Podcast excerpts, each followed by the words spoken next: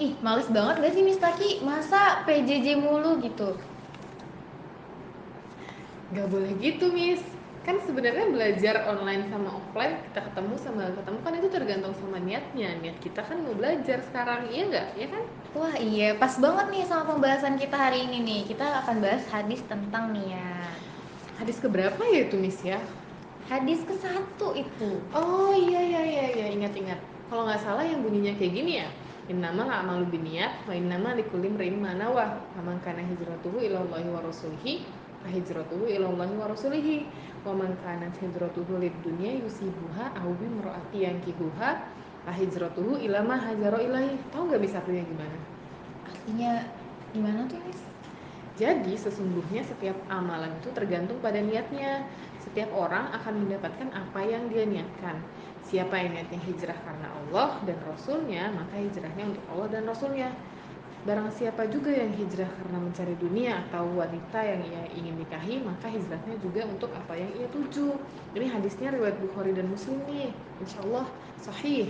oke gimana tuh penjelasannya sama niat belajar Eh, gini ya, kalau misalnya di Mistaki ibaratin tuh kayak kalian lagi mainin kamera.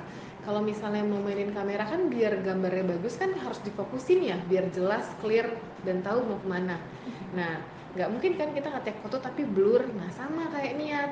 Kalau misalnya mau eh, niatnya belajar ya kita fokusin buat belajar. Jadi entah medianya mau offline kah kita ketemu di di musola atau kita online kayak gini nih by WA ini itu niatnya sama-sama buat belajar dan kalau misalnya kita niatnya buat buat belajar maka Allah dan Rasulnya akan memberikan kita banyak pahala Oh, jadi sama kayak tadi seperti Miss Taki bilang tentang bagaimana kita cara ngambil kamera, ilustrasinya seperti itu berarti kalau misalnya kita ikut kuliah-kuliah, kalau misalnya kita ikut pembelajaran online nih maupun offline di musola biasanya kita, berarti kita bakal dapetin apa yang kita niatin, bener nggak? benar karena sebenarnya secara bahasa niat itu artinya keinginan kita jadi kalau kita inginnya memang mau belajar insya Allah akan Allah akan memberikan kita ilmu yang berkah tapi kalau kita niatnya ke musola Cuma misalnya- main, apalagi jajan, Mm-mm. apalagi Miss Taki biasanya nanti dapetnya cuma jajan aja main aja cuma Ilmunya- perut yang kenyang doang ya. Mm-mm. Sayang kan rugi ya iya kan miss ya Uh, sayang Mm-mm. banget. Apalagi kalau misalnya eh, situasi kondisi lagi hujan-hujanan kalian bela-belain hujan-hujanan eh, niatnya cuma ke musola cuma main doang. Sayang banget kalian akan dapat mainnya doang tapi pahala belajarnya ilmunya nggak dapet. Iya, makanya sebenarnya kita sebagai manusia itu mungkin niat, niat awal kita salah, kita bisa perbaharui di tengah-tengah. Mungkin niat, niat, niat awal kita udah benar, kita tetap harus memperbarui juga di tengah-tengah karena bisa aja kita di tengah-tengah pas kita niatnya mau belajar halalala kita pergi belajar ke musola nih atau misalnya start mulai PJJ uh, online ini terus tiba-tiba pas lagi uh, dengerin KN dari miss-missnya, setoran dari miss-missnya ternyata ada WhatsApp dari siapa, ada notifikasi Instagram, jadinya teralihkan deh. Nah itu kita harus tetap lurusin niat kita Oh, buat gitu. belajar gitu. Atau kalau misalnya lagi di musola tiba-tiba ya ada teman yang ikutan jajan, ya aku niatnya mau belajar, berarti jangan ikutan jajan dulu, nanti jajannya setelah selesai pelajaran. Gitu. oke tunggu tunggu tunggu miss berarti eh, kalau misalnya kita sudah niatin nih dari rumah buat main tapi tiba-tiba di tengah wah missnya keren banget misalnya bawain materi atau tergugah hati kita pengen niat lurus bisa kayak gitu Oh bener banget itu. Jadi kalau misalnya ternyata di tengah-tengah belajar kita ngelihat uh, atau misalnya kita tergugah sama miss-missnya. Nah itu niat tuh cuman kita tuh nggak nggak butuh sekedar niat aja. Kita juga harus ikhtiar harus ada usaha dari kita. Misalnya kita udah niat mau belajar tapi di tengah pelajaran kita uh, digangguin sedikit. Oke mau diajak main sedikit ikutan. Nah kita harus ada usaha untuk menolak diajak main atau menolak atau berusaha untuk fokus ketika belajar gitu. Jadi nanti apa yang diberikan sama miss-missnya pun kita juga dapat dengan maksimal dan berkah gitu. Berarti nanti kalau misalnya kita puasa niatnya itu karena Allah ya. benar bukan karena misalnya uh, kan bunda janji kalau puasa dapat apa? Gitu, biasanya hadiah. gitu. nah kita harus lurusin niat kita lagi masing-masing ya Oke. Terus Miss Taki tahu nggak sih faedah hadis ini apa? hmm, kurang tahu deh coba Miss Tesha tahu nggak Jadi, faedah hadis dari niat ini adalah yang pertama itu dalam Jami al-Ulum wal Hikam. Hadis ini dikatakan oleh Imam Ahmad sebagai salah satu hadis pokok dalam agama kita. Wow, hadis pokok loh, berarti ini tuh penting banget sama kayak nasi yang jadi makanan pokok kita. Ternyata hadis ini itu uh, hadis pokok yang jadi salah satu landasan kita uh, beragama Islam. Nah, Imam Ibnu Daki al Id dalam syarhnya menyatakan bahwa Imam Syafi'i mengatakan kalau hadis ini bisa masuk dalam 70 bab, bab fikih saking pentingnya. Ulama lainnya menyatakan bahwa hadis ini sebagai sepertiganya Islam, saking pentingnya ya. Terus yang kedua itu setiap orang akan mendapatkan apa yang ia niatkan. Maksud hadis ini adalah setiap orang akan memperoleh pahala yang ia niatkan. Sama ya, kayak tadi yang Mustaki bilang, apa pun yang kita niatkan berarti itu yang akan kita dapatkan. Kalau niatnya buruk berarti dapatnya buruk. Kalau niatnya baik berarti kebaikan juga yang dapat ke kita. Ada lagi nggak Mustaki? Hmm, karena tadi yang sebelumnya kayaknya yang ketiga tuh uh, nyambungnya sama niat deh kayak yang tadi dijelasin tentang hmm. niat itu kan artinya maksud hati kita atau kehendak hmm. hati kita dan letaknya niat itu ada di dalam hati kita. Nah, kalau menurut Ibnu Taimiyah, niat itu letaknya berdasarkan kesepakatan eh niat itu letaknya di hati dan hati itu menurut kesepakatan para ulama jika seseorang yang berniat di hatinya tanpa ia lepaskan dengan lisan, maka niatnya sudah dianggap sah Ya, jadi walaupun sekedar kita kayak uh, mau belajar tapi kita nggak usah ngomong aku mau belajar karena Allah. Nggak perlu. Kita cuma diucapkan dengan di dalam hati kita misalnya dibisikkan Bismillah aku belajar karena aku ingin mendapatkan ilmu yang berkah dan uh, mendapatkan ridha Allah. Nah itu cuma di dalam hati aja nggak perlu diucapkan atau dilapaskan karena niat ada letaknya ada di hati. Nah terus kemudian nah faedah yang keempat itu adalah uh, niat yang dimaksud dalam hadis ini ada dua macam. Yang pertama niat yang ditujukan kepada siapa dan niat tentang amalannya. Jadi misalnya yang pertama tuh uh, kita mau berniat untuk Allah nih karena Allah. Ya berarti kita harus ikhlas. Niat yang ikhlas karena Allah. Sedangkan niat yang kedua yang masuk tadi tentang amalan jadi ketika kita beramal uh, sekedar ber ketika kita beramal atau misalnya berinfak atau misalnya beribadah itu semua tujukan kepada Allah. Sedangkan misalnya ketika untuk ibadah-ibadah lain itu bisa kita bedakan. Misalnya ya Allah aku berniat ibadah sholat aku berniat ibadah puasa aku berniat ibadah sedekah gitu. Jadi kita bisa tahu nih. Jadi uh, dan dua-duanya harus diiringin. Misalnya aku niat ikhlas beribadah atau sholat karena Allah gitu. Terus kemudian aku niat ikhlas bersedekah karena Allah gitu. Terus apa lagi nih Miss Tasya? Bentar Miss. Berarti kalau misalnya nih uh, kita lagi sholat lagi mau sholat deh. Kalau mau sholat itu pasti perlu niat kan? Kalau misalnya kita mau sholat lagi mau ke masjid. Terus niatnya udah ya Allah aku mau sholat aku mau sholat aku mau sholat. Kayak gitu itu udah terhitung niat belum? Sudah karena tadi dikatakan niat itu datangnya dari dasar hati kita. Jadi kalau misalnya kita udah berniat untuk uh, sholat walaupun nggak kita ucapkan itu tetap dikatakan sebagai niat yang baik. Dan niat yang baik itu ketika sudah dikerjakan pahalanya dua. Sedangkan niat biasa pahalanya satu kebaikan. Nah kalau misalnya niat buruk itu tidak terhitung pah tidak terhitung dosa. Oke berarti kalau niat yang dikerjakan dengan amal kebaikan dihitung pahalanya dua ya miss Yap, benar Oke. Okay. Nah, kaidah selanjutnya, hijrah itu berarti meninggalkan. Secara istilah, hijrah adalah berpindah dari negeri, negeri kafir ke negeri Islam. Nah, hijrah ini juga bisa kita ibaratkan dari perilaku kita yang buruk, terus kita pengen merubah diri kita ke yang lebih baik lagi. Misalnya, dulu kita itu kaum rebahan, suka banget main game atau nonton TV. Terus makin ke sini, makin suka sama hafalan, makin suka sama ngaji, makin suka sama kajian-kajian Islam. Nah, itu salah satu contoh hijrah juga. Nah, hijrah itu hukumnya wajib bagi muslim ketika ia tidak mampu menampakkan lagi syiar agamanya di negeri kafir.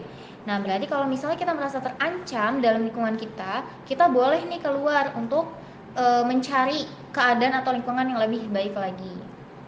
Terus kaidah keenam adalah dalam beramal butuh niat yang ikhlas. Karena dalam hadis disebutkan amalan hijrah yang ikhlas dan amalan hijrah yang tujuannya untuk mengejar dunia.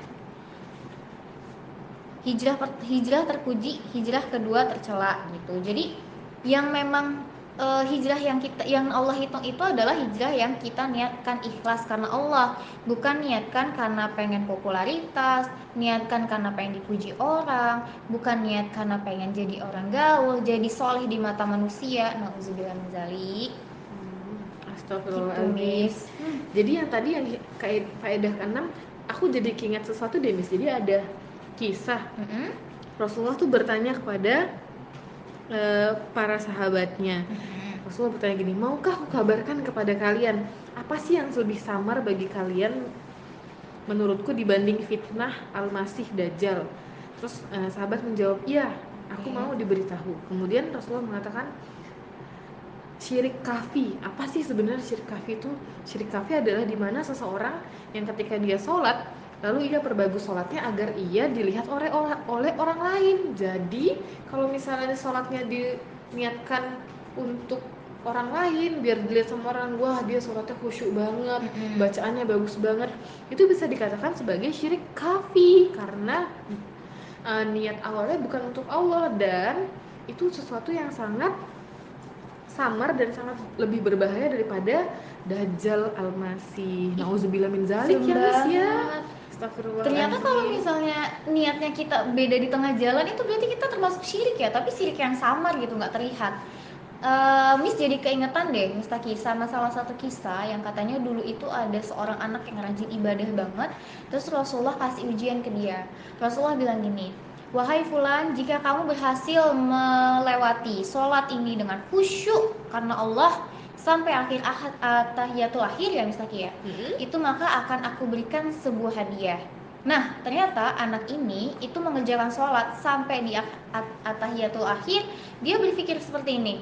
Aduh, apa ya hadiah yang Rasulullah kasih? Wah, niatnya melenceng tuh Mistaki. Sampai akhirnya ketika dia selesai sholat, salam, terus Rasulullah bilang, maka kamu tidak akan mendapatkan hadiah itu karena niat kamu sudah melenceng ketika kamu melaksanakan sholat. Kan sayang banget. Iya sayang banget. Jadi udah nggak dapat pahala dari Allah, nggak dapat hadiah juga ya dari Iya, Rasul. bener banget. Ya. Iya. Terus kaidah selanjutnya apa tuh Mistaki?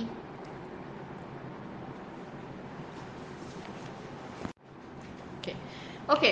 Ternyata faedah eh faedah selanjutnya tuh ada yang lain. Jadi usut kusnya usut, manusia itu diganjar sesuai sama apa yang udah kita kerjakan.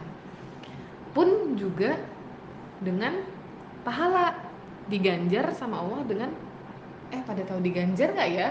Diganjar itu diberikan di Diganjar iya, itu apa? Iya, Dibalas sama imbalan Allah. ya, Iya, imbalan. imbalan.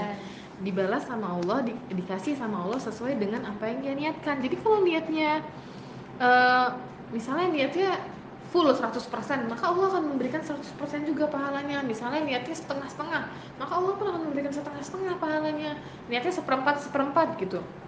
Allah juga memberikan seperempat. Misalnya niatnya cuma seribu rupiah, ya udah diganjarnya cuma seribu rupiah ju- juga gitu. Nah, sama misalnya kayak uh, ketika kita ujian matematika, terus kita belajarnya cuma setengah-setengah, mungkin jawaban atau nilai yang bisa kita dapat cuma setengah-setengah ketika bela- ketika nanti ujian. Nah, pun sama dengan niat ini. Jadi kalau mau mengerjakan sesuatu nanti entah belajar, entah bantu orang tua, terus kemudian apa? Entah olahraga itu harus maksimal semuanya. Biar nanti Allah pun memberikan hasil yang maksimal juga ke kita. Dan berkah. Apa nih Miss? Yang terakhir kayaknya faedahnya ini yang terakhir deh. Terakhir banget. Apa nih Ah, ini tuh kaidah yang terakhir biasanya sih tentang amalan. Orang yang berniat melakukan amalan solih namun terhalang melakukannya bisa dibagi menjadi dua contoh. Yang pertama itu amalan yang dilakukan sudah menjadi kebiasaan, tapi dia tidak bisa mengerjakannya karena uzur syar'i. Semisalnya, dia pengen sholat, dia terbiasa sholat jamaah nih di masjid. Tapi seketika itu dia tertidur atau dia sakit sehingga menyebabkan dia tidak bisa sholat jamaah di masjid. Nah itu insya Allah pahalanya sama ternyata dengan pahala ketika dia melakukan sholat jamaah di masjid. Alhamdulillah keren banget ya Hmm, baik itu. banget ya Allah ya. Terus yang kedua itu, kalau amalan tersebut itu bukan menjadi kebiasaan. Nah, kalau misalnya ini bukan menjadi amalan kebiasaan kita nih, maka jika sudah berniat mengamalkannya namun terhalang, itu kita dapat pahala niatnya aja.